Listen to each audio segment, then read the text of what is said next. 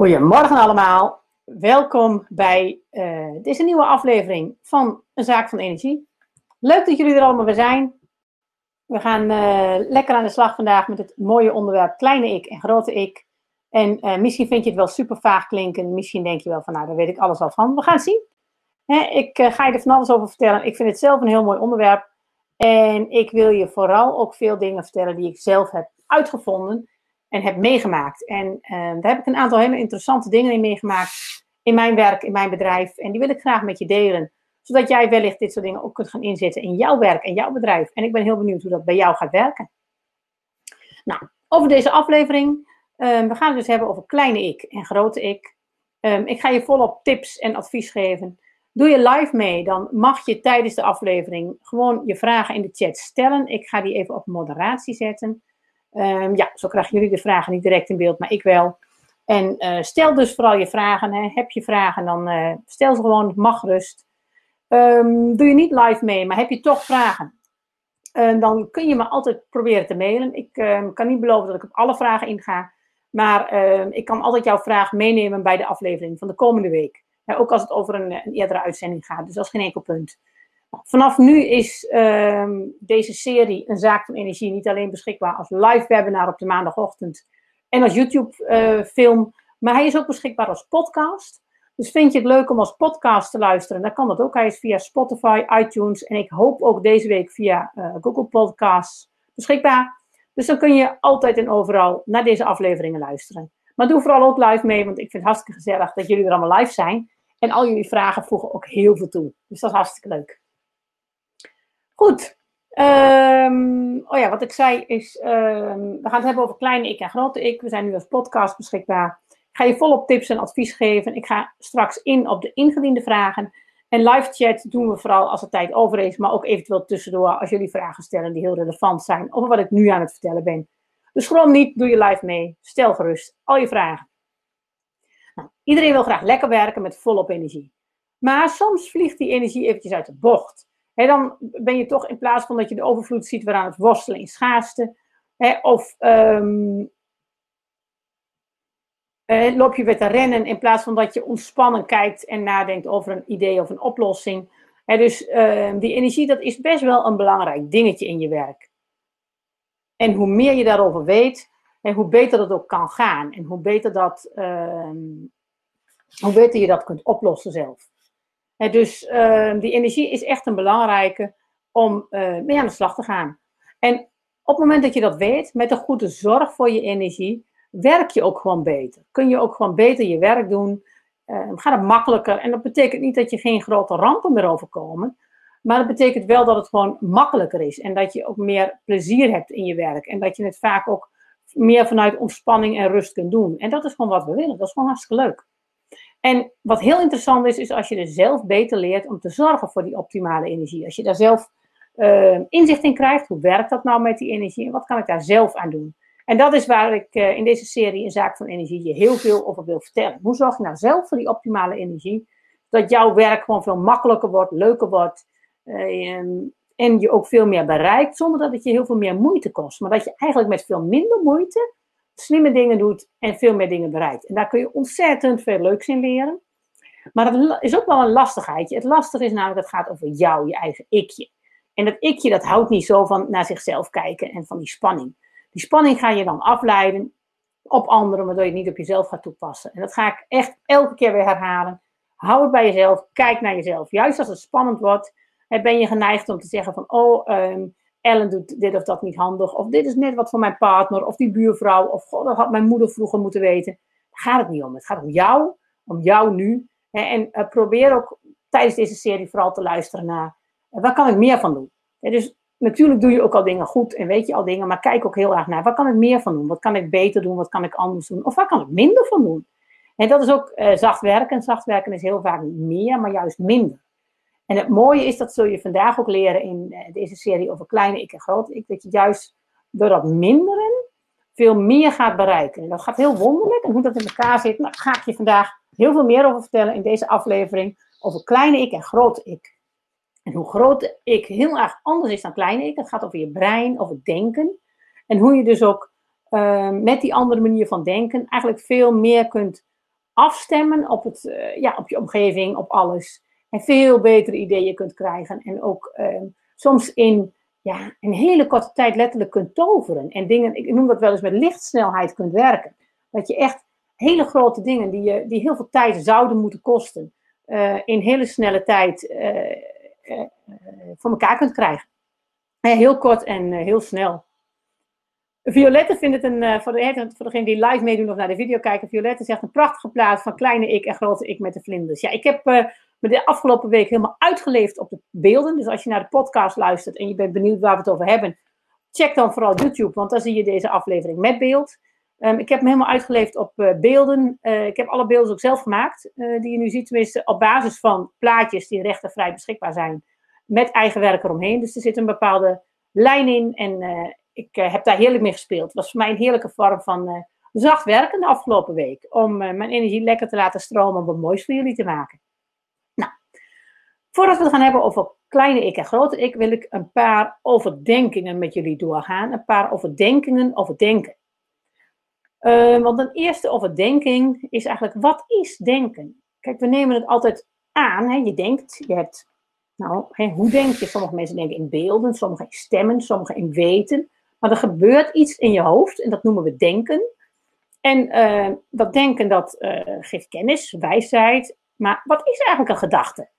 Hè? Een, stemmetje in je hoofd. Een, hè? Wat, wat, is dat eigenlijk? Waar, waar is dat van gemaakt? Is het wel ergens van gemaakt? Kun je het vertrouwen? Nee want je weet dat gedachten niet altijd waar zijn. Je denkt soms foute dingen.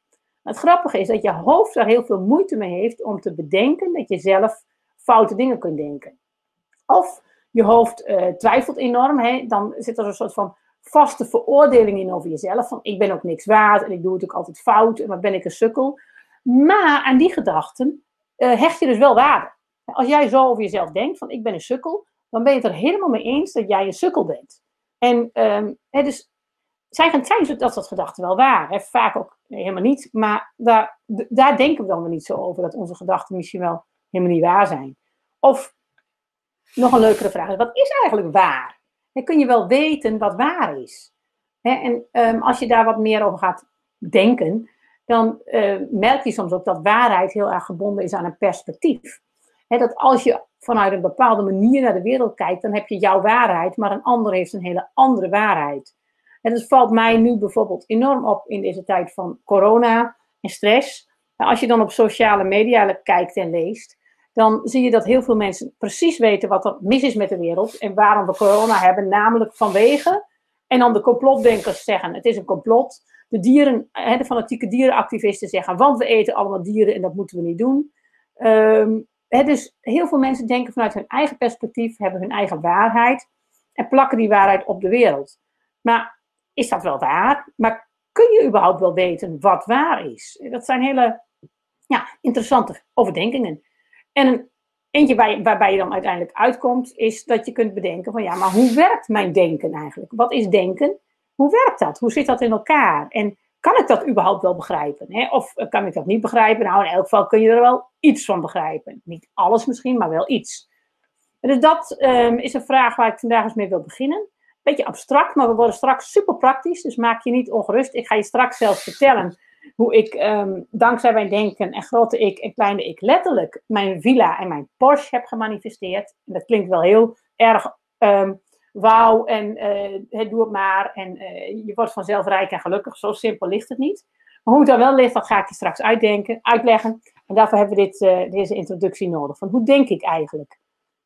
En hoe zit dat denken in elkaar? En als je daar wat over mee aan de slag gaat, dan merk je van hé, hey, ik denk op verschillende manieren. En dat, dat hoef je niet van mij te geloven, dat kun je gewoon bij jezelf waarnemen. En wat ik bijvoorbeeld merkte is, soms denk ik als zinnen in mijn hoofd. Bijvoorbeeld, ik moet straks die klant even mailen. Dat is een bepaalde, bepaald format van denken. Dan denk ik in zinnetjes in mijn hoofd. Uh, dat gaat vaak over straks, wat ik nog moet doen. Of het gaat, uh, het is terugkijkend op dingen die ik niet leuk vond, of die mensen anders moeten doen. Of die, dat, dat denken, dat zijn twee modi van denken. Dus vooruitkijkend, wat moet ik nog doen? Terugkijkend, uh, wat kunnen andere mensen anders doen? Die, op die manier denk ik heel vaak in zinnetjes, in tekst. Maar ik denk ook wel eens anders. Bijvoorbeeld, een week of vier geleden zat ik op woensdagochtend te mediteren. En daarna ben ik naar buiten gegaan, de tuin in. Hè, weet je, een, we hebben een, een rijtjeshuis in de Randstad. Uh, achtertuin is niet klein maar ook niet super groot. Van, zal die zijn? 6 bij uh, 12, 15. Hè? Echt zo'n uh, mooie rijtjeshuis achtertuin.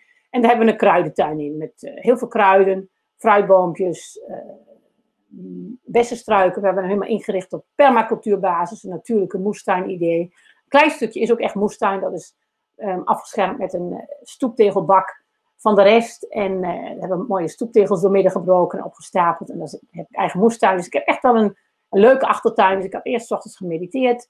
Toen liep ik rustig door mijn tuintje, wat kruiden plukken. Kijken hoe alles erbij staat. En ik vertel je dit zo uitgebreid, want het is belangrijk. Wat ik namelijk deed, is met dit mediteren en buiten zijn, was dat ik dat, die eerste manier van denken, dat zinnetjes in mijn hoofd denken, redelijk tot rust bracht. Dat, dat was wat minder actief. Dus ik liep zo'n beetje door de tuin, ik liep een beetje te mijmeren, noem ik dat dan vaker. Dat is niet zozeer denken, maar mijmeren. Er valt eens wat in en je denkt eens wat. En ik liep wat te mijmeren over het corona en de stress die iedereen ervaart. En hoe we dat, ja, hè, angst die regeerde en waar moet het toch naartoe? En we weten het allemaal niet. En toen dacht ik van, ja, weet je, maar je kunt ook heel veel wel zelf doen. En juist nu is het zo belangrijk om voor je energie te zorgen. En um, goh, wat, wat zou ik mijn ondernemers, ZZP'ers, uh, werkende professionals die hard werken met een baan. Wat zou ik die kunnen aanbieden in deze tijd? Ik, ik had twee programma's net uitgedacht die ik in die week wilde lanceren. En toen dacht ik van ja, corona, dat past helemaal niet. Ik ga nu niet een, mastermind van een jaar lanceren of een online programma rond mijn nieuwe boek. Dat had ik al stopgezet. En ik liep daar zo door de tuin te mijmeren. En toen dacht ik ineens, weet je wat ik ga doen? Ik ga lekker een, een gratis maandagochtend webinar verzinnen. Um, en dan mogen mensen vragen stellen en dan doe ik misschien wel een themaatje of zo erbij. En dat gaat dan over um, energie. Maar vooral ook open vragen stellen, beschikbaar zijn voor mensen, mensen helpen. Dat was een inval. Ja, dus deze gratis webinarserie, die nou is uitgegroeid tot een podcastserie op de maandagochtend. Dat was niet iets wat ik uitdacht met zinnetjes in mijn hoofd. Dat was een inval en dat viel me in. Terwijl ik juist buiten was, rustig was. Wat ik ochtends ook vaak doe, is niet mijn mail checken. En niet mijn apps checken. Uh, zoveel mogelijk even de telefoon een poosje weglaten. En vanuit die rust van het opstaan de dag ingaan met minder moeten. En het is dus niet toevallig dat ik op zo'n ochtend uh, dit verzonnen heb. En dat dit dan ook klopt, past en aanslaat. En het is niet zo dat ik toen zomaar een webinarserie had met duizenden volgers. Maar dat idee, die inval, die was er zomaar. En dat overkomt me vaker. Nou, een andere manier van denken, die ik ook wel eens vaak heb, is als iemand iets zegt, of ik lees iets, of ik luister naar iemand, dan weet ik, dit is niet helemaal waar. Dit klopt niet helemaal. Dan is het net of er een soort uh, interne leugendetector aanschiet, die dan tegen mij zegt, dit klopt niet. En dat voel ik fysiek in mijn lichaam. Dat is niet denken. Het is niet dat ik in zinnetjes ra- uh, redeneer waarom dit niet klopt. Dat gebeurt ook wel eens. Maar dat is, hier bedoel ik een andere modus van denken. Dus dat ik gewoon eigenlijk ik, heb een grappig voorbeeld hiervan. Ik heb, uh, doe sinds kort een schrijfcursus bij een, een hele leuke Nederlandse thriller-auteur, Jeroen Windmeijer. Schrijft fantastische thrillers over Leiden. Echt aanraden, superleuke boeken. En ik deed die schrijfcursus bij hem, was een aantal van zijn boeken aan het lezen. En terwijl ik helemaal opging in dat boek en het verhaal las, stokte ik in één keer in een zinnetje en dacht ik, hé, hey, dit klopt niet. En toen moest ik even nadenken dacht ik, oh ja, hé, hey, wat, daar staat een foutje in het boek. En dat is dus wat anders dan dit redenerende denken. Dit is een soort van fysiek voelend van hé, hey, dat is niet helemaal waar. Dat is een andere modus van denken. En dan uh, heb ik nog een andere vorm van denken. Dat is uh, dat ik als het ware een beetje in de toekomst kan leunen soms. Dat is echt heel bizar. En dat ik dan uh, al een dag of twee van tevoren kan aanvoelen van die kant gaat het op. Lang niet altijd hoor. Er zijn heel veel dingen die me gewoon overkomen die ik totaal niet weet. Uh, en soms kan ik ook dingen beredeneren. En zoals bijvoorbeeld toen op donderdag bekend werd dat we vanwege corona niet meer in grote aantallen bij elkaar mochten komen. Uh, toen ging ik me daar wat in verdiepen. Ik had me er wat in verdiept. En toen zei ik, ja, weet je, maar het gaat helemaal niet om aantallen boven de 100 of boven de 30. Uh, ehm, ook kleinere groepen zijn gewoon niet handig. Ze hebben even tijd nodig om zich dat te realiseren. Maar ik denk dat na het weekend de scholen dicht gaan. En uh, ik denk dat we onze zoon morgen alvast thuis houden. Nou, dat was beredenerend denken. Maar een ander voorbeeld is bijvoorbeeld mijn, mijn, uh, van dat laatste, dat leunen in de toekomst. Mijn oudste, die uh, toen hij wat een aantal jaren jonger was, en was een jaar of zeven geleden, denk ik, zes, zeven geleden, speelde hij uh, cricket. En dat deed hij vrij goed. Dus hij zat in de nationale jeugdselectie, hij zat in de voorrondes. En hij zou te horen krijgen of hij mee mocht met een groot toernooi naar Engeland. En dan zouden we twee weken door Engeland gaan toeren met zijn cricket. Nou, hij had te horen gekregen dat hij was afgevallen en hij uh, zat niet bij de laatste groep en hij zou niet meegaan. Dus we waren al een andere vakantie aan het plannen. Op een ochtend fietste ik, dus ook weer zo, ochtends, leeg hoofd. En um, ik zag daar iemand op een gegeven moment op de fiets van een trui met Engeland. En volgens mij ook zelfs met Olympische Spelen. Uh, Engeland, waar wij het jaar daarvoor ook waren geweest met zijn cricket. En toen zag ik, zag die trui en ik was een beetje aan mijmeren en aan het dromen. Ik dacht, goh, hoe zou het zijn om deze zomer wel naar Engeland op vakantie te gaan? En, uh, en hoe zou het zijn om, om, daar wel rond te reizen? En als hij nou wel bij het cricket zou zitten. dat was heel apart. Er was geen enkel signaal. Ik uh, viel me gewoon letterlijk weer in. En diezelfde dag werden we gemaild door de, de Cricketbond dat er een ander jongetje was afgevallen. En ze wilden heel graag dat onze zoon alsnog meeging met die crickettour. En we zijn die zomer alsnog in Engeland geweest. En dat is dus ook een vorm van ja, denken, invallen, die ik ook af en toe heb.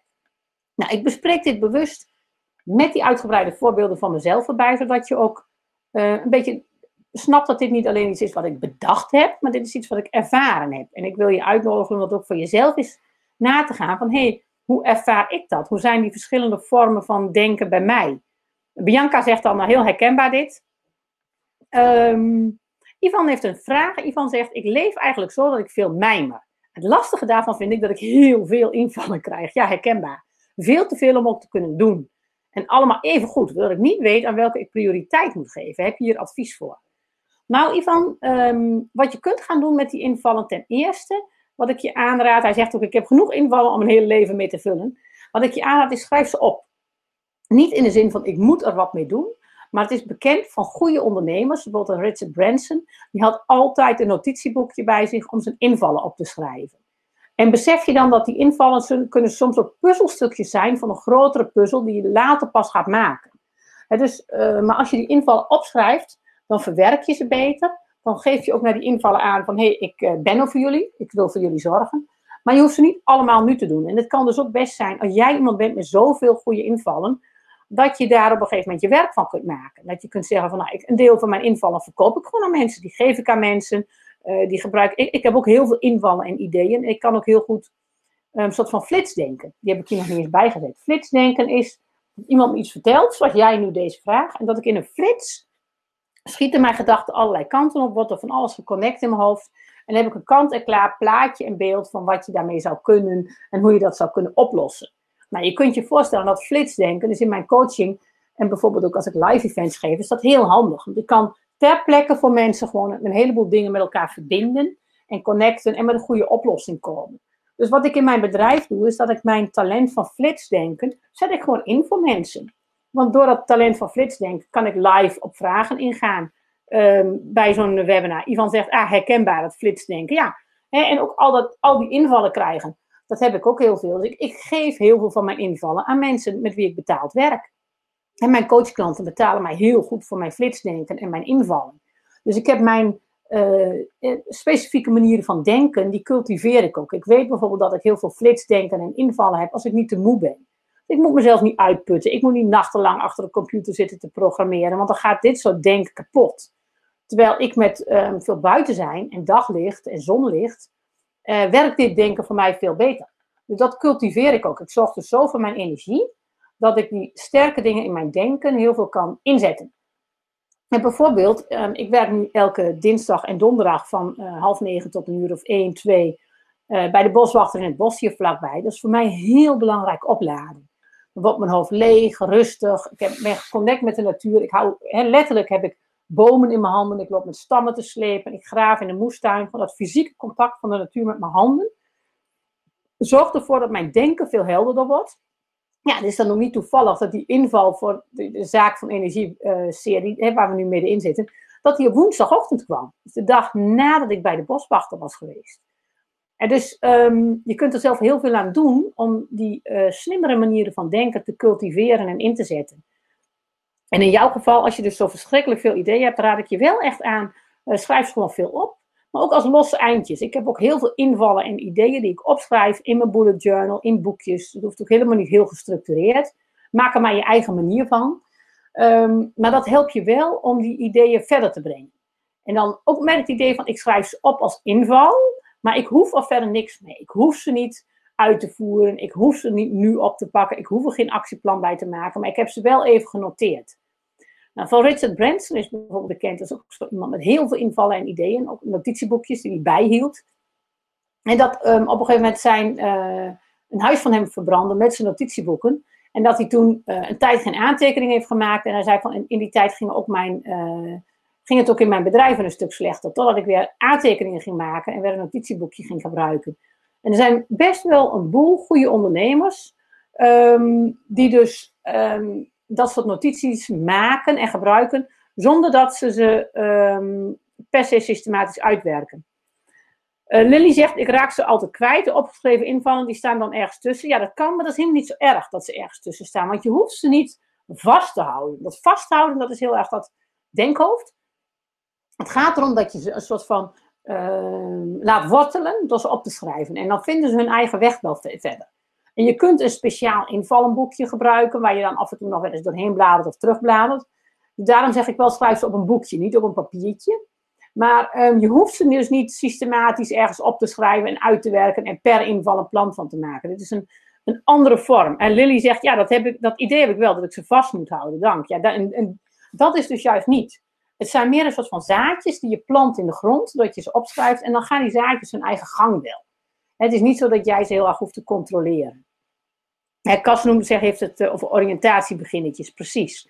dus het, en soms heb je ook wel um, 50 of 100 van die ideetjes die je opschrijft en even laat verder gaan, voordat je dan denkt van hé, maar dit is het idee wat ik wel wil oppakken.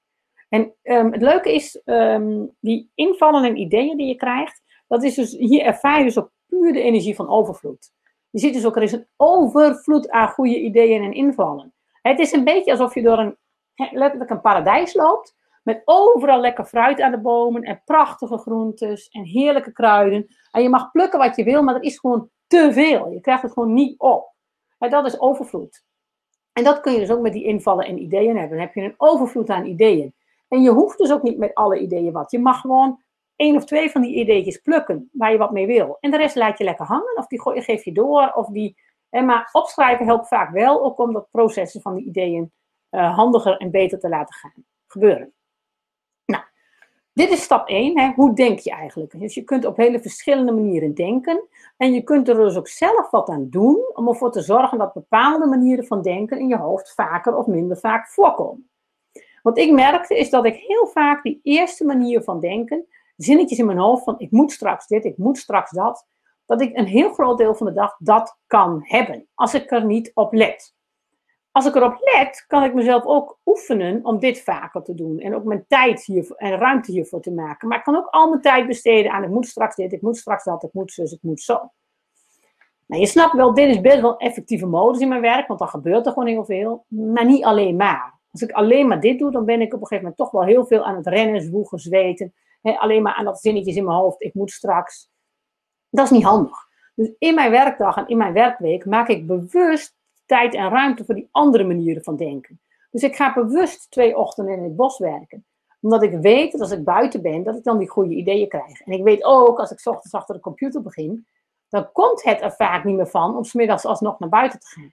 Maar als ik het andersom doe, als ik ochtends naar de boswachter moet, dan komt het er best van om smiddags die coachingscalls met die klanten te doen. Lily zegt zo herkenbaar, ik heb het altijd als ik ga wonderwandelen. Zoveel inzichten en ideeën, maar ik heb het idee dat ik dan achteraf allemaal nog moet gaan noteren. Wat denk jij? Nee hoor, hoeft niet. Je mag ze ook gewoon uh, lekker door je hoofd laten zweven. Je mag ook er uh, één tekeningetje van maken. Je, doe maar wat je zelf wil. Maar sommige invallen opschrijven is wel een goed idee, omdat ze je anders ontglippen of als het ware, ja, niet echt wortelen. Maar je mag ook heel goed allerlei invallen en ideeën gewoon in je hoofd lekker laten dwarrelen en uh, Jantine zegt, toen mijn vader terminaal lag, had ik allerlei gedachten en gevoelens. Schrijven lukte toen niet, het slokte me te zeer op. uh, deel van mijn werk dit ook. uh, ja, dus soms lukt dat ook inderdaad niet, maar dat, dat um, Kas vraagt nog, zit er verschil in of je aandacht bij iets moet houden of niet? Dat kan, maar het kan soms ook zijn dat als je je aandacht bij iets moet houden, dat heb ik heel erg namelijk, dan wordt dit stiller. Dus als ik bijvoorbeeld met aandacht boomstammetjes uit het bos moet tillen, omdat ik anders uh, verkeerd stap hè, of in een doorn grijp, ik moet echt met aandacht moet ik dat sleepwerk doen. En ook in mijn moestuin ben ik met aandacht bezig, maar ik ben niet in tekst aan het denken. En dan dat, dat ik mijn aandacht dus op iets anders richt, maar niet met tekst, um, dan komt die ruimte in je hoofd soms ook beschikbaar. Omdat je dus, dus hetzelfde is bijvoorbeeld als je gaat mediteren, dan schieten je gedachten alle kanten op en dan zeggen ze, hou je aandacht bij je ademhaling. Dus dan heeft je aandacht iets te doen, maar iets soort van losjes te doen. En juist daardoor komt je hoofd tot rust en komen dit soort stukken meer op gang. Hè, uh, Violet zegt nog, een vriendin van me spreekt ideeën in op haar telefoon. Ja, dat kan.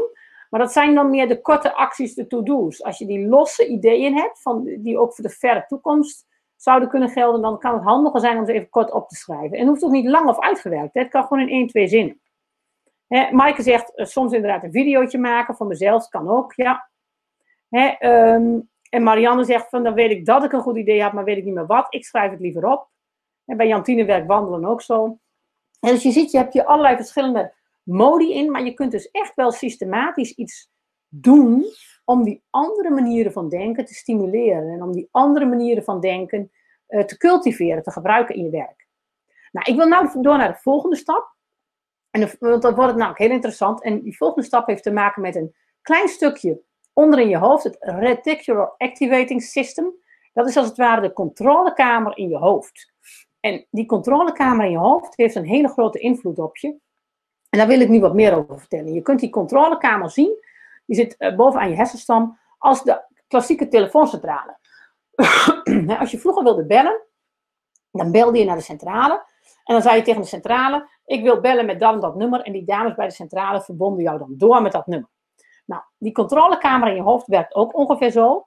Maar die controlekamer in je hoofd die werkt nog een beetje anders. Wat die controlekamer namelijk doet, die krijgt ongelooflijk veel signalen binnen uit je lichaam. En die zegt, ja, dat zijn veel te veel telefoontjes. Dat kunnen we allemaal niet aan in dat brein. Wij zetten hier een filter tussen. Wij laten alleen de belangrijke dingen doorgaan naar het hoofd.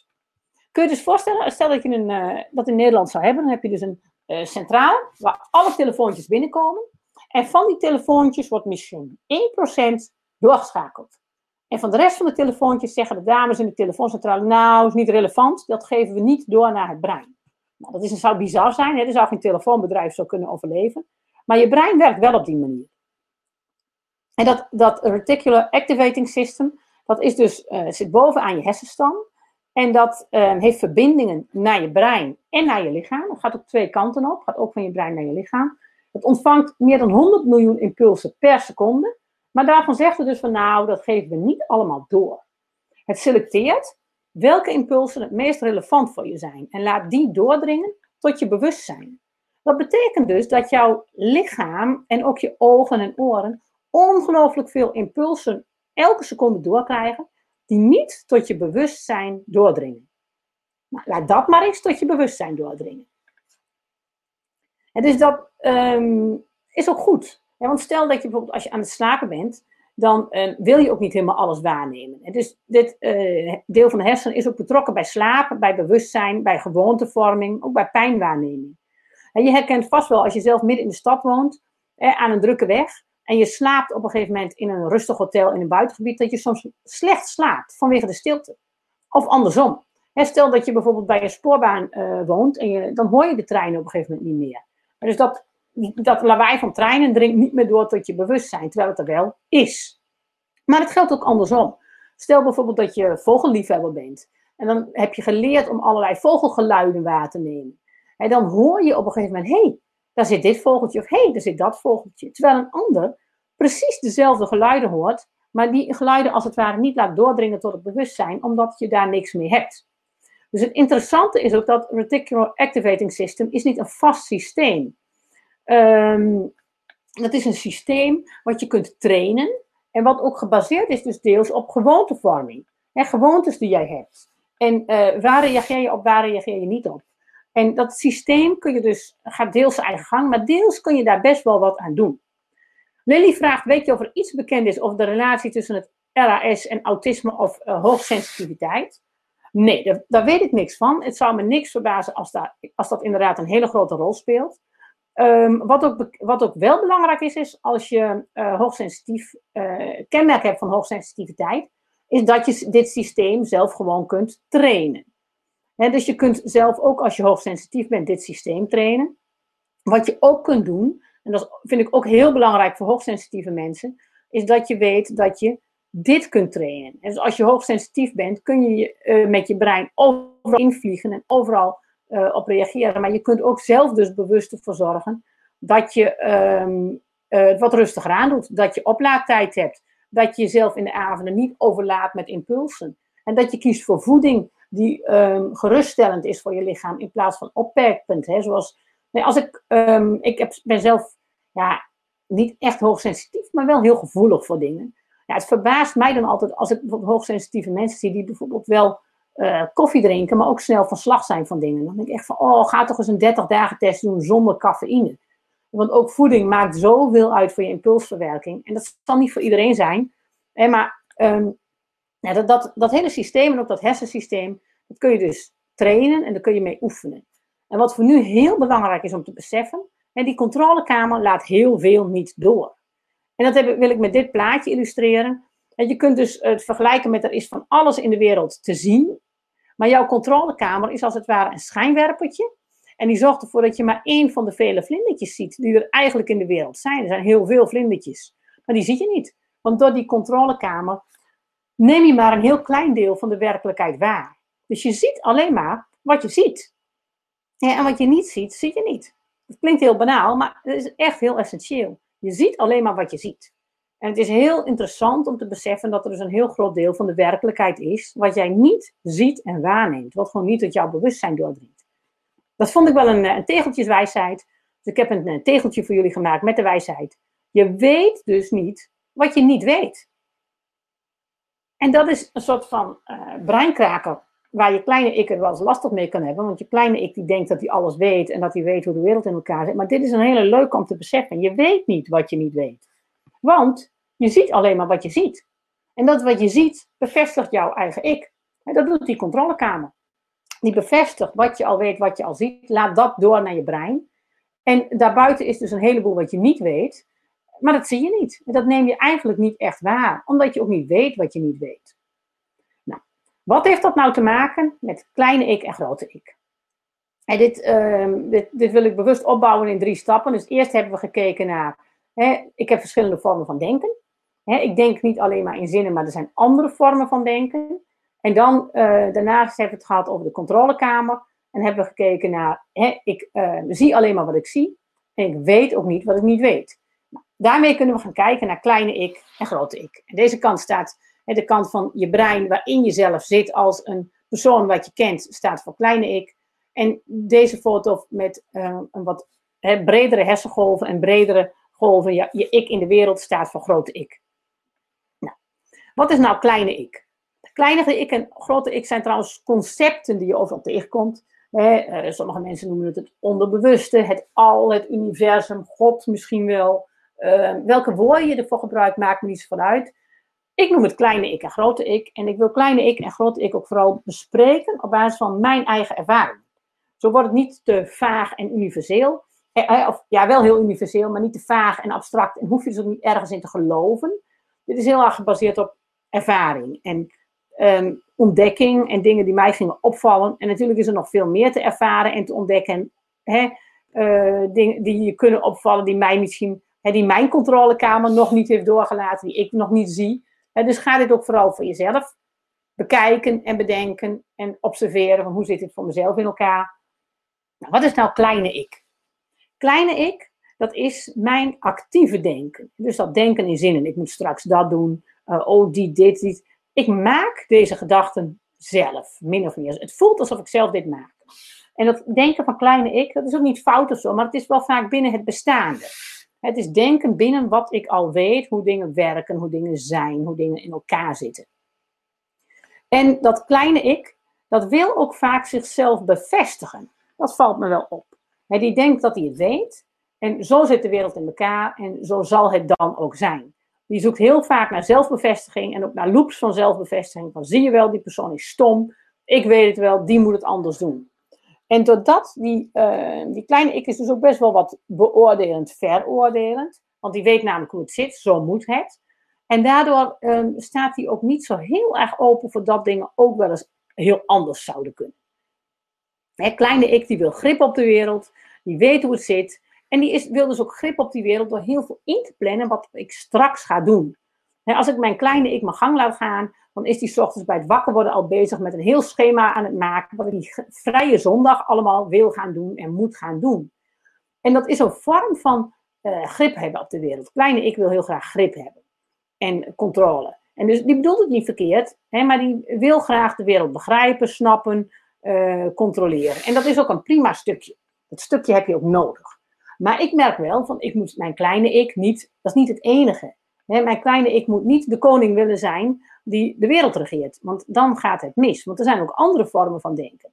Maar dat kleine ik praktisch is, dat kleine ik dingen probeert te begrijpen, dat kleine ik wil weten hoe dingen in elkaar zitten, uh, een planning maken voor wat we vandaag zouden kunnen doen, daar is niks mis mee. Maar ik stuur kleine ik inmiddels ook wel een beetje bij.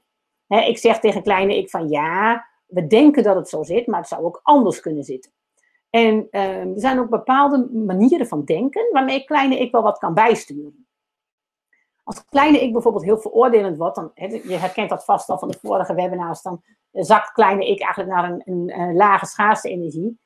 Um, als kleine ik te veroordelend wordt, dan maak ik kleine ik neutraal. Dan zeg ik tegen kleine ik, ik ben benieuwd. Waarom zou die andere persoon nou zo raar doen? In plaats van dat ik veroordelend ben van dat dat mag niet, um, kun je zeggen, ik ben benieuwd. Waarom zou die dat zo doen? En dat zet mij direct veel meer open. Uh, maakt me nieuwsgierig op een positieve manier. En dan is kleine ik direct al veel minder veroordelend. Of als kleine ik een plan maakt voor de dag, we doen vandaag dit en dat en zo, dan zeg ik tegen kleine ik, ja, dat is één van de mogelijke alternatieven. En het is leuk dat we dat als een alternatief hebben, maar misschien gaat de dag ook wel anders. En dan is het ook goed. dus daarmee krijgt kleine ik zijn plek. En ik kan zelfs tegen kleine ik zeggen van nou, dit zouden we vandaag kunnen gaan doen, maar verzin nog eens vier dingen. En dan hebben we zoveel dingen bedacht dat dat allemaal niet in één dag past, maar dan zien we wel hoe het gaat. Dus het leuke is, ehm, met je wat ehm, slimmere geest kun je kleine ik wel aan het werk zetten. En hoef je kleine ik niet te veroordelen. Kleine ik hoeft niet weg. Maar kleine ik mag er gewoon zijn. Die is gewoon een soort van lekker enthousiast, actief stukje van je hoofd, wat van alles wil doen. Maar die geeft je een beetje zijn plek. Kleine ik geeft je een kamertje in je hoofd waar die lekker mag plannen en, en grip hebben en controleren. Maar zo gauw kleine ik buiten het kamertje komt, dan, moet hij, hè, dan, dan zet je kleine ik wel gericht aan het werk. Zeg, nee, we gaan niet veroordelen, we gaan nieuwsgierig zijn. Waarom zou iemand dat doen? En vanuit die nieuwsgierigheid gaat kleine ik dan allemaal met ideeën komen. Zegt, ja, die doet het daarom, of daarom, of daarom, of daarom. En dan wordt kleine ik ook gefascineerd en nieuwsgierig en uh, gaat veel meer openstaan. En dan wordt, is kleine ik een ontzaglijk waardevol stukje in mijn hoofd geworden. In plaats van dat het een beetje een bekrompen stukje is, wat heel veroordelend is. Dus kleine ik kun je ook heel lekker aan het werk zetten. Naast kleine ik um, heb je ook uh, grote ik. En grote ik die werkt heel anders.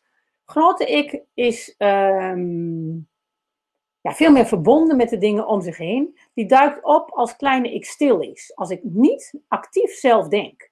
En dus um, grote ik die is er altijd. Maar het is net alsof die kleine ik uh, lekker laat razen. Als kleine ik wil razen en druk is, dan gaat kleine ik zijn gang in mijn hoofd. En dan gaat grote ik wat meer naar de achtergrond. Die is er wel. Ik ben me er altijd van bewust, die is er wel. Alleen, um, hij houdt zich soms stil. Als ik, kleine ik te, als ik te druk ben met mijn kleine ik, dan um, gaat grote ik naar de achtergrond. En dan, uh, dan houdt hij zich stil. Maar hij is er wel. Ik kan hem altijd terugvinden als ik, hè, een stukje van ik, op zoek ga naar grote ik, dan is hij er altijd. En uh, grote ik kom ik heel vaak tegen, juist als dat denken dus wat stiller is. Als ik op de fiets zit, onder de douche, in de tuin. Hè, dat soort momenten. En op het moment dat ik dat bewust weet, kan ik op dat soort momenten dus vaker oproepen en inschakelen. En dan is het dus wel belangrijk dat ik op de fiets niet plannen ga maken voor wat ik vandaag ga doen. Of onder de douche alvast mijn dag uitdenken. Of in de tuin die goede inval wil krijgen. Nee, ik moet juist dat actieve zoeken en harde denken uitzetten. Ik moet dan ook niet op die momenten naar een podcast gaan luisteren of het weer invullen met andere herrie, met een smartphone, met schermen. En het mooie is, die grote ik, die kan briljante invallen hebben. Die heeft briljante ideeën. En die ideeën van grote ik zijn vaak ook heel eenvoudig. Die zijn niet uh, complex, die zijn heel simpel. En dat zijn ook vaak dingen die ik op hele korte termijn kan implementeren. En dat levert me heel vaak ook veel geld op en plezier. Heel veel plezier, lol, het is ook veel waarde voor anderen. Maar het interessante voor mij als ondernemer is dat grote ik mij ook gewoon geld oplevert. En ook toen ik nog uh, werkte in loondienst, eh, bij KPN of op de universiteit in mijn banen, leverde grote ik me ook vaak veel goede dingen op. Uh, een project kon veel sneller, veel simpeler, veel korter. dus um, die grote ik was eigenlijk heel veel waard. Maar die grote ik was wel een soort van bescheiden op de achtergrond. Een heel leuk voorbeeld, bijvoorbeeld in de tijd dat ik um, interim werkte bij KPN. En toen was ik al zelfstandig, want toen werkte ik daar veel interim. Is dat er, ehm, KPN had toen een aantal kleine marktonderzoekjes, die werden uitgevoerd door de ZZP'ers. En er was een ZZP'er die was drie dagen per week bij KPN om die onderzoeken te doen. En op maandag was die uh, heel druk, want er lag heel veel werk. En dan in de loop van, de, van de, dinsdagmiddag dan werd het wat rustiger. Dan had hij al zijn werk weggewerkt. En op woensdag had hij eigenlijk niet meer zoveel te doen. En donderdag en vrijdag stroomde het werk weer binnen. En dan ging hij op maandag weer wegwerken. Nou, degene die dat deed, die deed dat in de winterperiode. Die had in de zomer een, bed and breakfast. Dus dan was hij er niet. En die zou per 1 april weer weggaan. Per 1 april kwam er een gat bij KPN en moest dit worden ingevuld. En toen fietste ik op een ochtend naar KPN. Ik deed ander werk en toen dacht ik, hé, hey, maar wat daar ligt, dat zou ik eigenlijk makkelijk voor ze kunnen invullen. Maar wat ik dan doe, is dan ga ik daar niet drie dagen per week zitten. Dan doe ik dat vanuit huis. En dan doe ik dat vijf dagen per week vanuit huis. Dus dan ben ik continu voor ze beschikbaar. dan hoeven ze niet, als er op donderdag iemand komt, te zeggen van ja, maandag kan het weer. Dan mogen ze mij op donderdag al bellen of mailen. Um, dan doe ik telefonisch de intake. En dan doe ik dat via een repeterend format in hun tools. En dan doe ik dat. Nou, het was echt eh, in een kilometer fietsen. Viel het me allemaal in en had ik het helder. Nou, en toen heb ik dat nog natuurlijk wel moeten uitwerken in een mooie eh, presentatie. En dan moesten ze over nadenken. En dat duurde een tijd. En dan moest ik een paar keer achteraan. Maar uiteindelijk zei KPN: Ja, prima, dat willen we wel van jou. En toen ben ik uh, op die manier een heleboel marktonderzoeken voor KPN gaan doen. Dan maakten ze een vast budget voor vrij per jaar. Wat elk jaar aan mij besteed werd. En uh, daar hoefden ze ook geen garanties voor te geven. Het was gewoon, wilden ze een jaar niks doen, dan deden ze niks. Maar ze wilden altijd van het werk gebruik maken. En dat werd voor mij een hele fijne vaste inkomstenstroom. Die ik later ook kon, toen ik stopte met mijn marktonderzoekswerk, kon ik dat doorverkopen aan degene die dat stuk van mijn bedrijf overnam. En dat was gewoon heel veel geld waard. En daar heb ik dus niet hard voor gewerkt. Het was gewoon tijdens fietstochtje, briljante inval. Maakte alle dingen heel eenvoudig. Leverde me veel geld en plezier op, maar leverde KPN ook veel geld en plezier op. Het was echt een win-win-win. Het was niet van, uh, nou ga ik eens even goed nadenken hoe ik ze een poot kan uitrukken en hoe ik mijn, mijn tarief kan verdrievoudigen en hoe ik dat erdoor pers. Zo werkte dit helemaal niet. En grote ik, die werkt bij mij altijd rustig, uh, gestaag, vrolijk, makkelijk, simpel, maar uh, levert wel heel veel op. Hè, en ehm, ja, wat is dan die grote ik? Ja, dat weet ik ook niet precies. Het is een soort van wijsheid die groter is dan mijn actieve denken. Um, het is een wijsheid die me invalt van buiten mezelf. Is het het universum? Is het God? Ik denk dat dat helemaal niet uitmaakt. is het je onderbewuste? ja, is het de ziel? Is het intuïtie? Maar het, doet er niet toe hoe je het noemt. Waar het om gaat is, het is er. En het werkt. En uh, ja, dan ben ik heel praktisch de ingenieur. Dan denk ik, hey, het is er en het werkt. Nou, laten we dat dan maar gebruiken. en um, je mag het dus ook gewoon noemen hoe jij het wil noemen. Maar het is wel leuk als je beseft, en ook als je gaat terugkijken in je eigen leven, van wanneer had ik dit? Wanneer werkte dit voor mij? En hoe kan ik er dus vaker gebruik van maken? Want die grote ik is hartstikke slim en handig. Die uh, komt met goede ideeën voor mij en de mensen om me heen. Dus dat is een hele mooie vorm van overvloedsdenken. En van, in die vorm van overvloedsdenken, die kan ik dus volop inzetten. Nou, ik wil je een paar voorbeelden geven van hoe die grote ik in mijn werk en in mijn leven een hele grote rol heeft gespeeld. Ik gaf je net al het voorbeeld van uh, de KPN-opdrachten. Dat was echt een grote stap in mijn leven. En er zijn eigenlijk een aantal, als ik nu terugkijk naar de afgelopen 10, 15 jaar en de grote stappen in mijn, mijn leven en in mijn werk, zijn die heel vaak gekomen door grote ik. Die stappen kwamen niet door hard werken, maar die stappen kwamen door een briljante inval in de rust en stilte van grote ik. Een eerste stap was mijn villa. Zoals ik jou vertelde, ik heb een villa. Um, een villa is uh, mijn tuinhuisje kantoor, 25 vierkante meter. Het is een soort tiny house met een douche, toilet, keuken, uh, koelkast, grote werktafel, een mooie glaspuin naar buiten. En buiten een ommuurde tuin uh, met schuttingen, een schuurtje en een mooi terrasje En daar heb ik mijn moestuin. Dus het is mijn moestuinkantoor. Nou, het grappige is, ik heb eigenlijk nooit zoiets gewild. Nooit naar gezocht. Maar ik heb het gedroomd. Letterlijk, uh, eind van de kerstvakantie. De kerstvakantie gaan we vaak naar een vakantiehuisje. Uh, veel vrije tijd, leuke dingen. Ik, ik, had een stel flows gekocht voor een vriendin, die is voor mezelf. Vriendin in het buitenland. En daarbij kreeg ik een jaargang gratis als bonus. Dus die jaar, jaargang gratis bonus had ik mee naar dat vakantiehuisje. Lekker wat doorheen gebladerd. Op een uh, dinsdagavond een verhaal gelezen over mensen die een, een staakerf, een tuinhuisje hadden. Een tuinhuisjecomplex. Ik dacht, nou, leuk verhaal, dichtgeslagen, niks meer gedaan. Dinsdagavond. En donderdag, vrijdagochtend word ik wakker uit een soort hele fijne droom. En met heel veel, ja, zo'n soort van liefdesgevoel. En in die droom um, ik, sliep toen uit die ochtend, ik kon nog een soort van terug te dromen. Ik kon dat gevoel nog een beetje vasthouden. En in die droom werkte ik in een soort van tuinhuisje, uh, kantoor. En ik zag dat huisje ook voor me. En toen ik wakker werd, het eerste wat ik voelde wat ik moest doen, was: van, wat een leuk idee, zo'n tuinhuisje, kantoor. Ik moet niet gaan googlen, ik moet niet online gaan, ik moet dit tekenen. Dus als eerste heb ik toen die droom, dat huisje uitgetekend. Nou, en toen heb ik, ben ik eens gaan googlen van, goh, waar zitten dan zulke complexen, waar zitten zulke... Nou, toen kwam ik heel gauw uh, gegoogeld op de regio Den Haag, uh, tuinhuisje, kantoor. En toen kwam ik een advertentie tegen van een Marijke. Die had een huisje te koop staan in augustus, ja, dat was natuurlijk al lang geleden. En toen ben ik eens gaan googlen naar volkstuincomplexen in de regio, maar het was allemaal niet meer dit soort huisjes. En toen kwam ik uiteindelijk toch een, uh, een complex tegen waar ze huisjes te koop hadden. Het complex van die Marijke. En toen heb ik die Marijke gemaild. Dezelfde ochtend trouwens ook. Nou, ik heb de tekening gemaakt, ik heb gegoogeld. Ik heb die Marijke ook gemaild. Is dat huisje van jou nog te koop? Ja, dat was nog te koop. Toen ben ik verder gaan zoeken.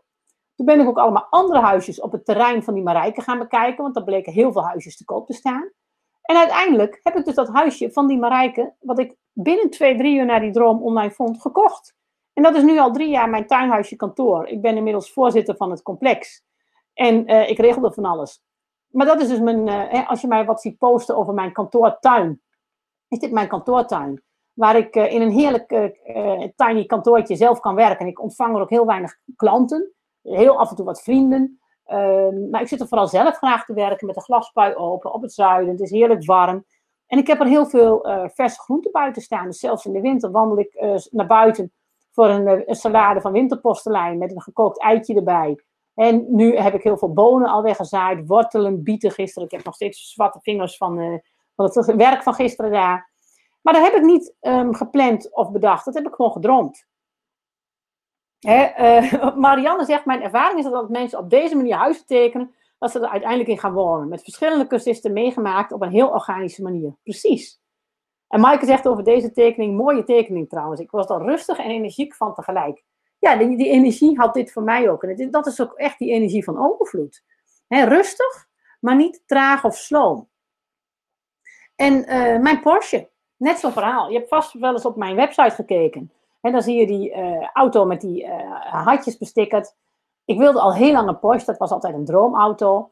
En die heb ik ook in een paar simpele stappen gekregen. De eerste stap was bijvoorbeeld dat ik een ex-klant ontmoette op een event van iemand anders. En een man, autogek. En die vond het altijd prachtig dat ik een Porsche als droomauto had. En die zei toen tegen mij van, als jij een Porsche wil, dan moet je eigenlijk dat type kopen. Die rare koplampjes. En die is door de puristen, die vinden dat niks, maar technisch een prima auto. En uh, daar zijn er best nog wel een boel van. en s'avonds stuurde hij mij een linkje naar die auto. Toevallig bij een, een mooie Porsche dealer hier in de buurt, in Warmond. Dus ik dacht op de, de dag daarna met mijn jongens, kom, zullen we gewoon eens gaan kijken voor de lol. Dus wij er naartoe. En die dealer die zei van, nou, maar als u een Porsche wil, dan, uh, en u bent ZZP'er, dan moet u eigenlijk eentje kopen die een beetje ouder is dan deze. Want dan kunt u de youngtimer regeling doen. Dan kunt u hem op de zaak zetten, dan hebt u heel weinig bijtelling. En dan is zo'n auto best heel betaalbaar. Dus, nou, ik naar huis uitrekenen. En toen bleek dat zo'n auto, niet die auto, maar wel dat type en dan net ietsjes ouder, eigenlijk net zo duur zou zijn als de tweedehands Volkswagen Beetle waar ik op dat moment in reed. Nou, ik dacht altijd dat ik voor een Porsche uh, heel veel geld moest verdienen en rijk moest zijn. Maar dat kan dus gewoon nu. Met die regeling waar ik niks van wist. En die regeling kwam ik achter dat die klant van mij me dat linkje stuurde. Nou, toen ben ik, uh, dacht van, dat wil ik wel, dat geld, uh, maar geld op een rijtje zet, dacht ik, nou, ik heb nog wel een bedrag nodig. Ik heb dit bedrag nog nodig. Ik had echt een bedrag in mijn hoofd. En binnen een week of zes krijg ik dat bedrag precies als meevallen van de belasting terug. Want ik bereken mijn belastingen altijd vooraf. En mijn, uh, mijn inkomstenbelasting over het jaar is soms best wel vrij hoog. En in dat jaar was mijn man zelfstandiger geworden in plaats van kostwinner. Dus ik was nu de kostwinner. Ik uh, kreeg veel meer uh, vrijstellingen toegekend in plaats van mijn man. En uh, daardoor had ik een behoorlijke belastingmeevaller. En het was precies het resterende bedrag wat ik nog moest hebben hè, als ik mijn oude auto zou verkopen en in die Porsche zou willen gaan rijden. Nou, dat was het dus gewoon. Dus ik heb dat, toen dacht ik, ja, nu moet ik het ook doen. Maar ja, weet je welke auto dan? Dan moet je gaan kijken, marktplaats, dealers langs, selectie. Daar had ik helemaal nog geen zin in. Dus ik ben niks gaan doen. en toen uh, ben ik op een dag, was ik nou, vanwege omstandigheden naar het strand geweest. Pootje baden in de zee. Luieren, doezelen. Hè, dus weer dat, dat, dat praatbrein uitzetten. En ik stap op de fiets naar huis en mijn intuïtie zegt, ga morgen maar eens bij die postdealer langs. En dus ik s'avonds kijk op hun site, er was niks te vinden. Helemaal niets in mijn categorie, alleen maar super dure collectors items, auto's. Toch mijn uh, intuïtie vertrouwd. De volgende ochtend gewoon in mijn Beeteltje naar die dealer gereden. En ik kom de showroom binnen en er staat vooraan een auto met precies die rare koplampjes. Typerende lampjes van het type wat ik wilde hebben. En ik denk, nou, het zal vast een collectors item zijn of een race type. Of dat is vast veel te duur, want ja, mijn auto hadden ze niet op hun site te koop staan.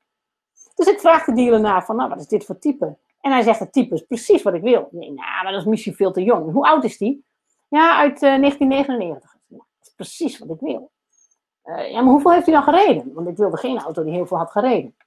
Nou, hij had 50.000 kilometer minder gereden dan ik wilde. En uh, hoe duur is die dan? Hij was net iets duurder dan ik wilde, maar ja, hij had ook veel minder gereden. Dan was het helemaal waar. Ik zei, maar waarom die staat niet op jullie site, toch? Nee, dat klopt. Die heeft een klant net ingeleverd en uh, die zijn we aan het klaarmaken. En zaterdag komt er iemand voor een proefrit en uh, voorlopig staat hij nog even niet op de site. Oké, nou, die auto heb ik dus gekocht. En dus ook weer helemaal zonder hard werken, maar met een aantal stapjes. En dat is ook een soort van kruimeltjespad. Van mijn klant bracht me op het stapje naar deze auto. Dat heb ik opgevolgd. Toen kwam ik bij die dealer, die bracht me bij het stapje van uh, de Youngtimer-regeling. Dat stapje heb ik uitgezocht. Toen zei mijn intuïtie, ga morgen maar eens kijken. Dus zo'n zo ketting van een aantal stapjes, waar ik wel steeds opvolging moest doen. En je moet op een gegeven moment wel actie nemen. Dat was zowel hier als hier, bij mijn villa als mijn Porsche. Op een gegeven moment ligt het er en dan moet je wel de knop doorhakken. Dan ga ik het doen of niet doen. Maar in beide gevallen was het met knikkende knietjes. Ik vond het echt heel spannend. En toen ik bij die postdealer was, zei die man ook, zeg van, wil je anders een proefritje maken? Hier heb je de sleutels. Nou jongen, ik vond het echt doodeng. Ik had nog nooit in zo'n auto gereden. Ik, ik heb een piepklein rondje gemaakt door het dorp daar. Gauw weer teruggegaan, gauw die auto ingeleverd. Ik vond het echt zo spannend. Terwijl die auto gewoon fantastisch reed en heel fijn was en heel makkelijk in de bediening. En ik kan natuurlijk goed rijden, dus dat was helemaal geen punt. Maar die invallen van grote ik, die zijn soms ook wel groot. En dan moet je ook wel het lef hebben om daarop te acteren. Nou, een ander voorbeeld is bijvoorbeeld, eh, ik heb jarenlang een jaarprogramma gegeven, een zaak van groei. Nou, dat programma heb ik een keer bedacht terwijl ik ook buiten had gezeten, in de tuin had gezeten. Ging lunchen. En in een kwartiertje tijdens de lunch maakte ik een mindmap en stond het hele programma uitgetekend. En toen heb ik het nog twee, drie maanden laten liggen, dat ik nog een tekst moest schrijven en dat dat er niet zo van kwam. Dus er moest echt nog een beetje inzakken. Maar um, dat kwam ook in één klap binnen. En dus je ziet ook, dat is wel grappig, die uh, invallen van grote ik hebben ook een eigen timing. En deze was er heel snel. Binnen de nadat ik het gedroomd had, had ik binnen zes weken was ik eigenaar van het huisje. Die Porsche ging in een aantal stappen. Ik heb volgens mij in november die klant gezien. Die heeft me naar de dealer gestuurd. Die dealer stuurde dat. En toen had ik in mei de inval van ga morgen maar eens bij die dealer kijken. En toen in begin juni was die auto voor mij. Nou, dit was een inval van 20 minuten tijdens een lunch dat zaak van groei jaarprogramma. En dat had ik, uh, heb ik toen een paar maanden wat laten uh, ja, rijpen. En toen ben ik het in het najaar gaan doen. Nou, een ander voorbeeld is deze zaak van energieserie. Daar heb ik in het begin al over verteld. Dat heb ik heel snel gedaan. Dat heb ik uh, woensdags bedacht. En maandag gaf ik mijn eerste webinar. En dus dat ging heel vlot. Ehm, maar ook al mijn boeken heb ik op deze manier geschreven. Mijn boeken, zijn, ja, daar zit ook heel weinig denkwerk in. Ik schrijf heel intuïtief. En dan ga ik achteraf met het rode potloodje doorheen alles corrigeren, aanpassen, uh, herschrijven. Maar dat eerste schrijven van die boeken gaat heel intuïtief. En eigenlijk, bij al die zaak van boeken die ik heb geschreven, die zijn best wel complex. Je hebt drie, vier verschillende hoofdpersonen die rond één thema op verschillende gebieden wat meemaken. als ondernemer, als manager, als ZZP'er, als muzikant. Um, en toch past dat allemaal feilloos in elkaar. Dat, dat gaat dus ook heel erg vanuit dat grote ik. Die kleine ik bemoeit zich eigenlijk heel weinig met dat schrijven. En dus, um, moraal van het verhaal, die grote ik, die kun je dus fantastisch ook in je werk inzetten. En die grote ik kan je dus ook in je werk heel veel mooie dingen vertellen en laten zien. En dus, um, moraal van het verhaal, weet dat je niet alles weet. Weet dat er naast je kleine ik ook een grote ik is. En dan kun je met intenties gaan werken. He, een positief toekomstbeeld. He, spreek dat ook hardop uit, elke ochtend. En wat je daarmee doet, is dat je die controlekamer gaat overschrijven. als jij hardop gaat uitspreken van, ik, ik heb dit, ik woon hier, ik heb zus, ik heb zo. Dan gaat die controlekamer zich daarop aanpassen. En die gaat denken, hé hey, verrek, dat is wat ze uh, heeft. En dan gaat hij jou ook uh, beelden en kansen laten zien die daarbij passen. En dan, dat kan dus zijn van ja, heel mystiek, God of het universum, maar het is ook gewoon puur dat je zelf eigen bedrading in je hoofd gaat overschrijven en aanpassen, waardoor je veel meer oog krijgt voor die kansen die er om je heen overal zijn. En daardoor kun je die kansen dus ook veel meer gaan aantrekken en uh, veel meer mee gaan doen. Het is heel belangrijk hierbij, als je dit gaat snappen, weet dat je niet alles weet, maar focus op wat je wel wilt. En natuurlijk gebeuren er vervelende, lastige, uitdagende dingen. Maar jouw focus en aandacht gaat uit naar waar je wel naartoe wil. En dat kan je dan ook enorm helpen. En laat dat hoe los. Dat hoe, dat vult zich wel, dat vormt zich wel op basis van jouw acties, van jouw keuzes. Dat hoe hoef je niet over te denken. En dat het hoe is trouwens wel waar mijn kleine ik altijd mee aan de slag wil. Het kleine ik wil altijd aan de slag met het hoe en dat precies controleren en weten. Maar juist dat krachtige denken, dan mag je dat hoe in loslaten. Ja, en dan uh, dat grote ik. He, koester die magie. Gebruik dat, zet het in, geniet ervan, verwonder je erover, wees verbaasd over hoe het werkt. Maar doe het gewoon. En Maaike zegt, ik bedenk me soms ochtends hoe ik me die dag wil voelen. Productief of rustig of vrolijk. En dat, hè, wat dan ook. En dat schrijf ik dan op. En verrassend vaak lukt het dan ook. Ja, doe ik ook heel vaak, Maaike. Ik heb ook heel veel intenties op hoe ik me wil voelen. In plaats van op wat ik precies wil. Ik zeg dus van, nou, ik wil me bijvoorbeeld fit, sterk en gelukkig voelen. En dan uh, mag ik leven wel invullen hoe dat dan geregeld wordt. Nou, wat ook nog leuk is om te beseffen, is dus dat um, waar we het nu over hebben, het gaat over denken, maar ook over bewustzijn. En um, bewustzijn is heel verschillend. Hè? Een tulp, een plant, die is zich bijvoorbeeld heel erg bewust van licht en donker, van vocht. Maar een heleboel dingen is een plant zich niet van bewust. Hè? Um, planten waarschuwen elkaar wel, hè? met, met uh, geurstoffen afscheiden. Sommige planten hebben ook trouwens heel veel waarneming. Er zijn uh, wetenschappelijke onderzoekers die zeggen van onze zintuigen, zintuigen van de mens, die zitten op bepaalde bandbreedtes. Hè? Dus je oren nemen bepaalde dingen waar. Je ogen nemen bepaalde dingen waar. En planten hebben ook bepaalde zintuigen waarmee ze dingen waarnemen. En sommige planten, als je dus uitgaat van onze vijf zintuigen, dat dat vijf frequentiegebieden zijn van de omgeving die wij waarnemen, zijn er ook planten die wel 25 zintuigen hebben. Die dus veel meer waarnemen dan wij waar kunnen nemen.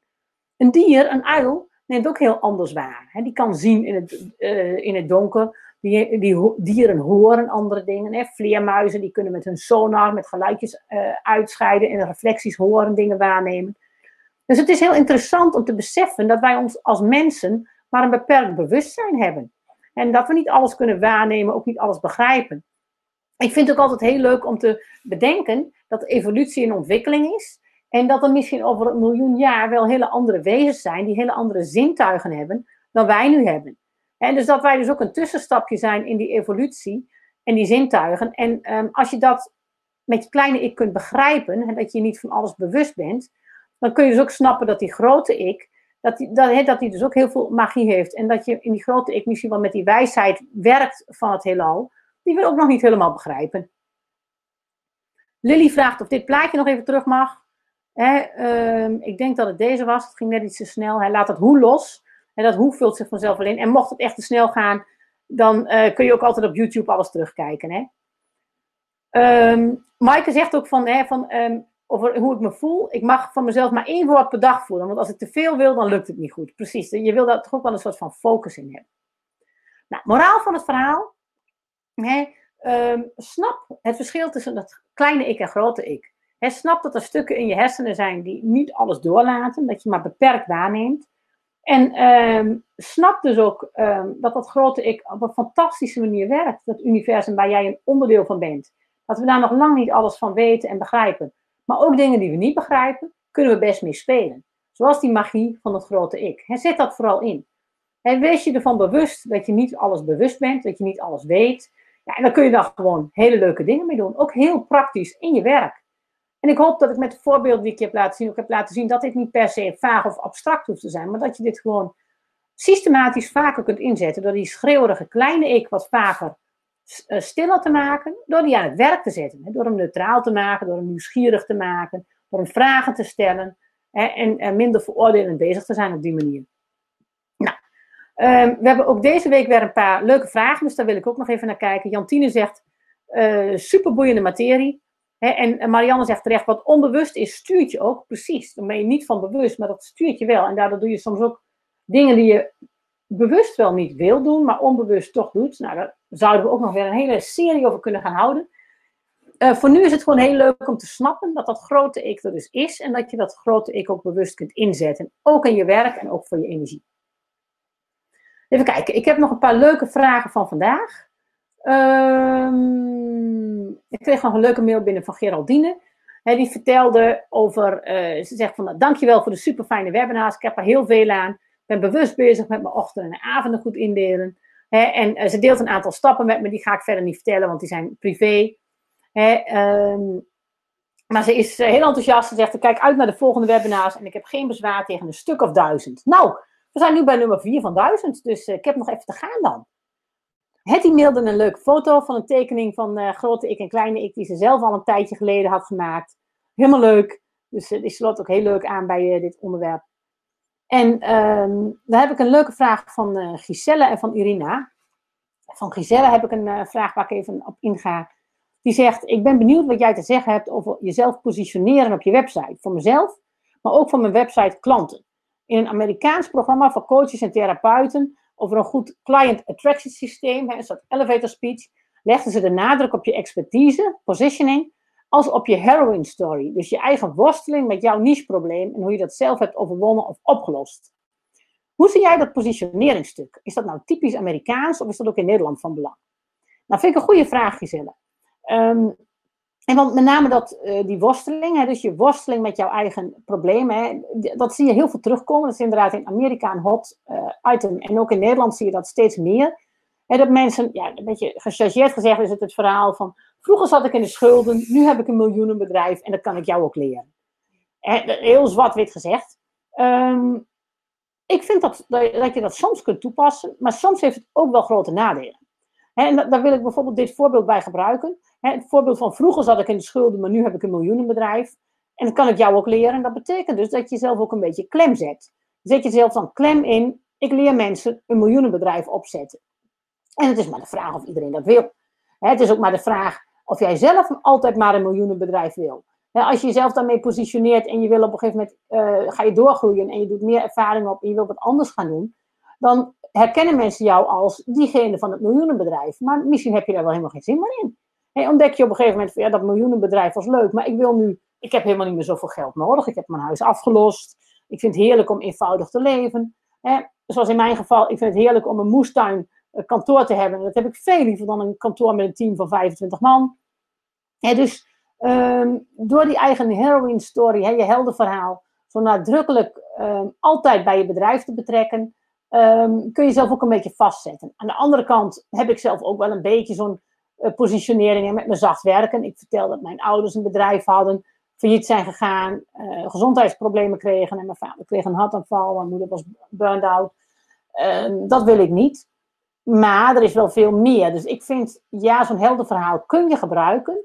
Maar het moet wel relevant zijn. Het moet wel passen. En als dat er niet is, kun je ook prima mensen helpen eh, zonder het helder verhaal. En een heel, heel, leuk voorbeeld vind ik weer van, uh, je hoeft zelf geen vogel te zijn geweest om vogelexpert te zijn. Je kunt ook heel veel van vogels weten en in een vogelopvang werken zonder dat je ooit vogel bent geweest. En dat geldt natuurlijk niet alleen voor vogels, maar ook voor coaches en ondernemers. Je kunt prima mensen helpen zonder dat je zelf per se dat probleem persoonlijk moet hebben gevoeld. Heb je het probleem wel persoonlijk gevoeld? Ja, dan kun je dat prima benoemen. En soms kan het soms ook zelfs handiger zijn om een probleem niet persoonlijk te hebben gevoeld. Um, een voorbeeld is, wij doen weekendpleegzorg. We hebben een jongetje via pleegzorg over de vloer uh, regelmatig in de weekenden.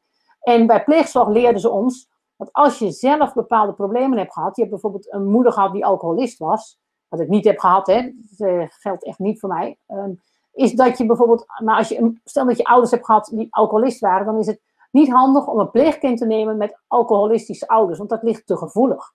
Die pijn kan voor jou dan te groot zijn om te handelen. En dan zeggen ze dus, dan kun je beter een kind nemen met, hè, met, met andere problemen thuis dan met alcohol. Want alcohol ligt voor jou te gevoelig, dan moet je dat juist niet doen.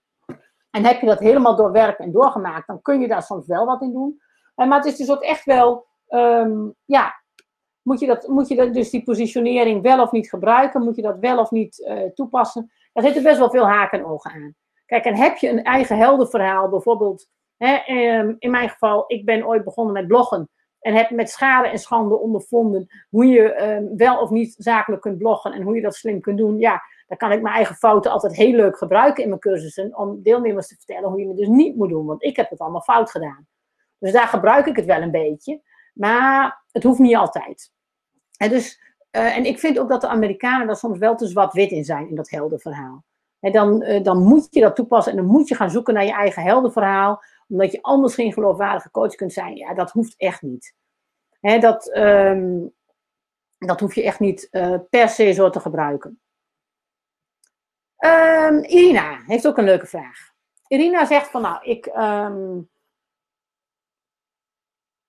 Irina die wil een coachbedrijf gaan opzetten en wil ook verkennende gesprekken aangaan met mensen in haar eigen netwerk. Hè, ten behoeve van het opbouwen van eigen netwerk. Daar hikt ze nogal tegenaan, heeft dat nog niet gedaan. Dus krijgt niet zoveel coaching en trainingsopdrachten via haar, uh, samenwerking. Heeft wel tijd genoeg voor de eigen zaak. En daarnaast werkt ze parttime aan de universiteit. Ze zegt van, nou, dat uh, werk heb ik minder lol in. Het kost me meer energie. En, uh, maar mijn droom van mijn eigen bedrijf wil ik niet opgeven. Want daar voel ik mijn energie en passie stromen. Maar ik heb ook het gevoel dat ik nu even pas op de plaats moet maken. Aandacht en energie moet ik op mijn baan richten voor de komende maanden. Om er wat meer bovenop te komen. Voordat ik verder ga met mijn eigen zaak. Hè, um, want uh, mijn baan kost ook veel energie. En um, ja, dat, ik heb nou maar één keer energie. He, dus ik merk dat, ze zegt dan, ik merk dat ik de afgelopen twee weken, heen en weer ga tussen die twee stemmen. Zonder duidelijk iets te kiezen. En dat schiet niet op en dat kost bakken met energie. Dus moet ik nou de beperkte energie die ik heb geven gewoon aan de baan die ik heb? Of moet ik ook doorgaan met mijn bedrijf? Hoe doe ik dat handig? Nou, um, ik heb hier zeker tips over. Wat ik namelijk regelmatig bij mensen zie die in zo'n situatie zitten als jij, is dat het blijven hangen in werk wat, er, uh, wat niet meer zo bij je past, heel veel energie kost. En ik kan natuurlijk niet zeggen dat jouw baan bij de universiteit niet meer bij je past.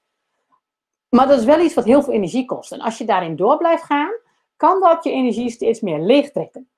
Terwijl als jij een keus maakt voor wat je echt wil, waar je energie op zit, kan je dat ook heel veel energie geven en gaat hij daar ook stromen. Het kan ook, ik zal niet direct zeggen van neem maar ontslag en uh, geef die baan op kan ook zijn dat je die baan die je hebt op een andere manier kunt gaan doen. Op een andere invulling. Maar in elk geval, ga niet denken dat je eerst je energie op orde moet krijgen en dan pas dingen kunt veranderen. Waarschijnlijk moet je heel rap dingen gaan veranderen om je energie uh, op orde te kunnen krijgen. En dus dat is een hele belangrijke. Je energie laat vaak wel zien waar het klopt. En ik heb hier een extreem voorbeeld van gehad. Een cliënt van me, die belde me en die zat in een burn-out.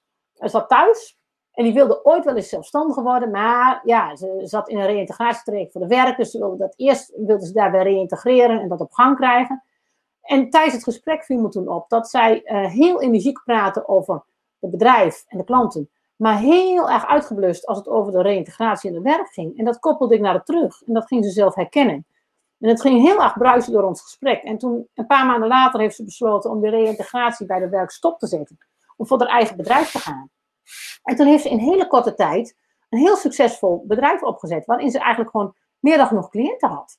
En dat ging echt super verrassend snel. En ja, weet je, die garantie heb je niet. Dus ik, ik zal nooit zeggen van, um, geef je baan maar op, spring maar in het diepe, word maar ondernemer. Zeker niet. Maar ik zal wel zeggen, luister heel goed naar je energie. En als je energie je vertelt dat je ergens moe van wordt en dat iets zwaar voelt, doe het dan anders. Ga dingen veranderen. Ik merk het zelf ook elke keer weer. Soms wil mijn hoofd daar ook nog niet aan. En mijn hoofd is bekend met iets. Ze zegt, ja, maar dit vind je toch leuk? Ja, maar dit deden we toch altijd? Ja, maar je bent toch? En mijn hoofd heeft dan heel veel moeite om afstand te nemen van die identiteit die het heeft opgebouwd. Maar soms is dat wel nodig. En het kan soms ook in kleine dingen zitten hoor.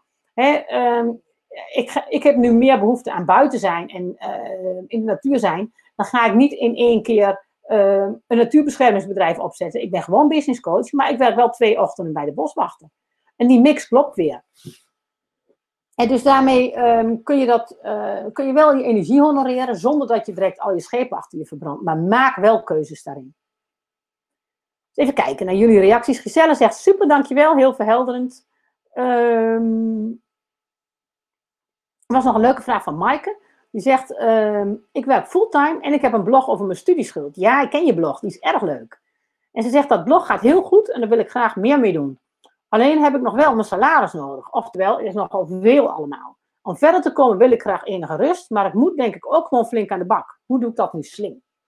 Nou, Maaike, wat ik destijds heb gedaan toen ik met mijn bedrijf begon, ik zat een beetje in hetzelfde dilemma van ja, nou, ik wilde dat werk ook niet meer, maar ik had ook geen idee of mijn bedrijf zou gaan lopen, want ik had niet al een goed lopende blog. Ik heb mezelf toen een half jaar gegeven. Ik heb gezegd, ik neem ontslag. Ik kan het daar een half jaar van uitzingen. Mijn partner verdiende ook. Het zuinig doen, hebben wat spaargeld. Dan kan ik best een half jaar lang proberen om dat bedrijf van mij op gang te krijgen. En lukt dat niet, dan moet ik terug in een baan. Nou, je snapt wel, ik ging echt de meest vervelende dingen als ondernemer oppakken, doen, niet uitstellen, want ik wilde absoluut niet terug in die baan. En dus um, zo'n knoop doorhakken, maar dan ook bijvoorbeeld jezelf een korte tijd daarvoor geven, kan ook helpen. En soms mag je bijvoorbeeld um, bij een bedrijf drie of zes maanden sabbatical opnemen. En met baangarantie dat je terug kunt komen. Maar dan heb je wel tijd om het uh, op te gaan zetten en uit te proberen. Wat je ook zou kunnen doen, is dat je zegt van nou, hè, ik wil wat met mijn blog doen, ik wil daar meer mee doen. En daarnaast doe ik ander betaald werk, maar dat is niet meer deze baan die me zoveel tijd en energie kost. Dan, ga ik ander betaald werk ernaast doen, wat ik beter kan combineren met die blog.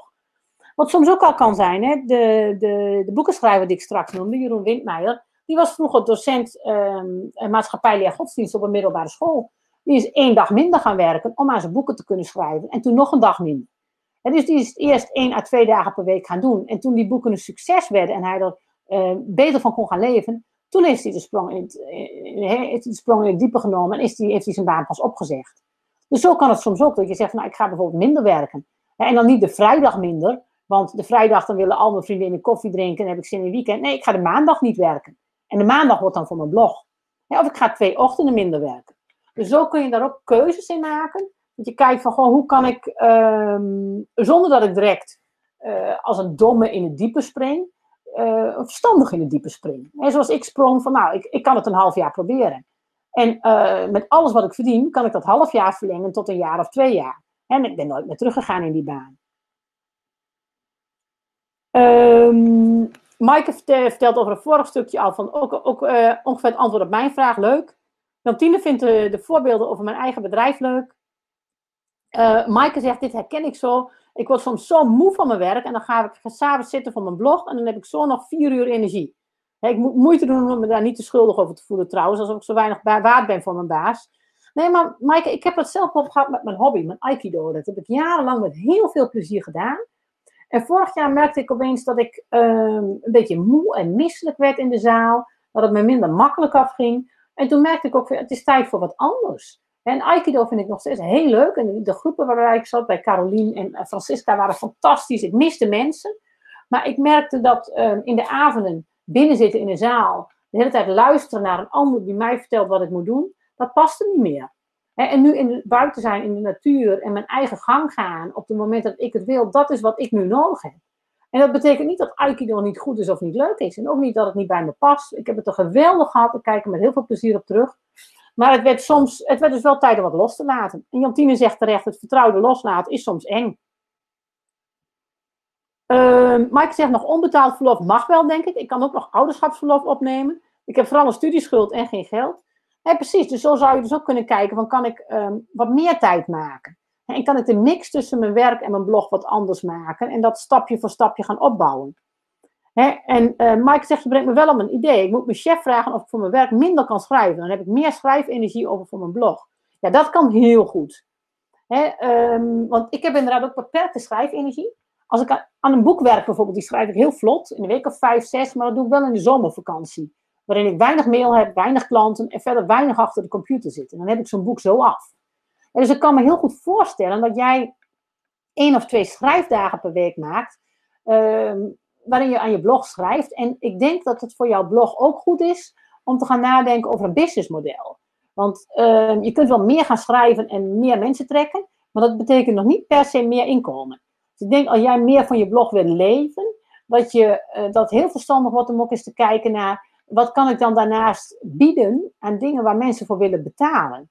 En dat hoeft helemaal niet per, dat kan op allerlei manieren zijn. Sommige mensen doen dat met Google advertenties, anderen doen dat hè, met een uh, goed betaalde training of een cursus. Ik doe dat met één op één coaching van klanten. Hè, dat, um, maar zorg ervoor dat je een businessmodel hebt wat goed klopt. En ik zie nog te veel bloggers, schrijvers die denken dat als ik maar hadden ga schrijven of bloggen, krijg ik wel meer geld. En dat hoeft helemaal niet. Het kan soms dus dat je met uh, minder schrijven meer geld kunt verdienen, doordat je businessmodel slimmer wordt. En hoe je dat dan doet, nou, daar kun je grote ik weer voor aan het werk zetten. Lili zegt nog dank. Ans zegt, uh, dank Ellen, ik ga meer aandacht besteden aan mijn invallen. Die heb ik namelijk genoeg. Precies, die zijn zo waardevol. Uh, Maaike zegt, ik ben, ben ik over aan het nadenken. Misschien moeten we daar eens over praten. Ik ben wat verbaasd over hoe snel mijn blog groeit. Even kunnen, uh, je mag je altijd aanmelden voor een, uh, een uh, telefonisch gesprek waarin we samen even kijken van, of ik jou kan helpen daarbij. Ik vraag daar wel serieus geld voor. Maar ik wil in dat gesprek ook even altijd serieus met iemand inschatten of ik denk dat jij dat geld kunt terugverdienen. Dus ik ga je echt geen coaching aansmeren als ik denk dat jij dat niet kunt terugverdienen. En als ik denk dat jij de investering in mij kunt terugverdienen in een, een te overziene periode, ik wil vaak binnen een jaar en liever nog tijdens onze coaching, dan vind ik dat ik mijn geld waard ben. En dan, uh, dan gaan we op die manier werken. En als ik vind dat je dat niet kunt terugverdienen, ja, dan gaan we ook niet aan de slag. Tenzij jij zegt dat je heel graag het geld aan mij wil besteden. Dus op die manier kunnen we daar best even samen naar kijken. Um, Brenda zegt super bedankt Ellen. Je kleine ik op een andere manier aan het werk zetten is weer net een andere benadering die bij mij wel binnenkomt. Ja, daar heb ik ook wel lang over moeten denken, Brenda. Want ik heb hè, natuurlijk ook veel gelezen over ego en je ego overstijgen en verlichting. Maar dat is volgens mij, um, maar komt dat maar heel af en toe voor. Dat is wel iets wat je misschien zou willen, maar er zijn maar een paar mensen die dat uh, lukt en overkomt. Dat is ook een soort van loslaten. En ik merk dus mijn kleine ik gericht aan het werk zetten. En dat is iets wat heel veel mensen kunnen. En dat kun je vanaf nu. Hè, daar hoef je echt niet uh, verlicht voor te zijn. En dan kun je toch wel een veel ja, wat luchtiger egootje krijgen. Wat je gewoon aan het werk zet en wat je een bepaalde kant op stuurt. En wat zich ook ontwikkelt.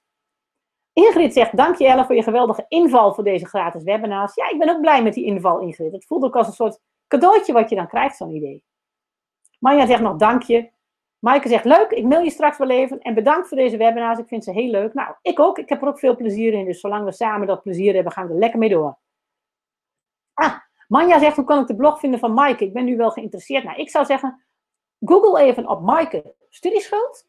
En dan vind je haar wel. Want uh, dan is ze heel goed te vinden en ze blogt daar ontzettend leuk over. Ingrid zegt nog, dankjewel voor de heldere uitleg. Uh, Bianca zegt, enorm bedankt Ellen. En uh, Jantine zegt, erg waardevol. Ah, Maaike heeft ook de URL. Die is fuckdiestudieschuld.nl. Fuck met CK natuurlijk. En maar als je op haar googelt, vind je er ook wel. Ze heeft echt een hele leuke blog. En het gaat ook niet alleen over studieschuld, maar het is ook bewust leven, schulden verminderen. Uh, ook voor mensen met een hoge hypotheek en allerlei schulden zou dit gewoon heel goed uh, toe te passen zijn. En wat ik ook leuk vind van de blog van Maaike is, het past heel erg in de tijd van minimaliseren, bewust leven. Uh, niet minimaliseren van je plezier, maar gewoon wel, um, waarom zou ik allerlei schulden aangaan als ik die ook kan verminderen en hoe doe ik dat dan actief? Dus wat dat betreft past het ook heel erg in het um, leven vanuit overvloed.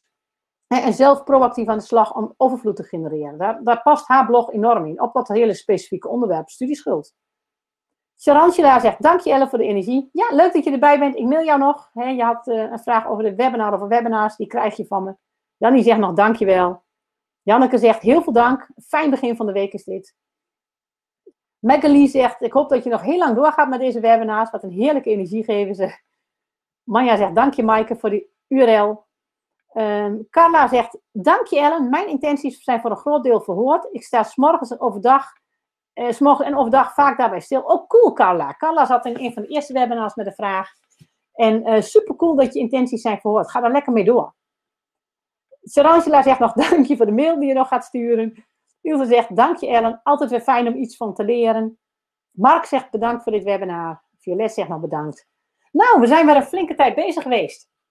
De serie eh, de uitzendingen worden soms langer en langer. Maar dat maakt niet uit. Je kunt ze nu ook via podcast beluisteren. Dus Dus dat wordt voor jullie ook alleen maar makkelijker en makkelijker. En je kunt altijd terugluisteren waar en wanneer je wil.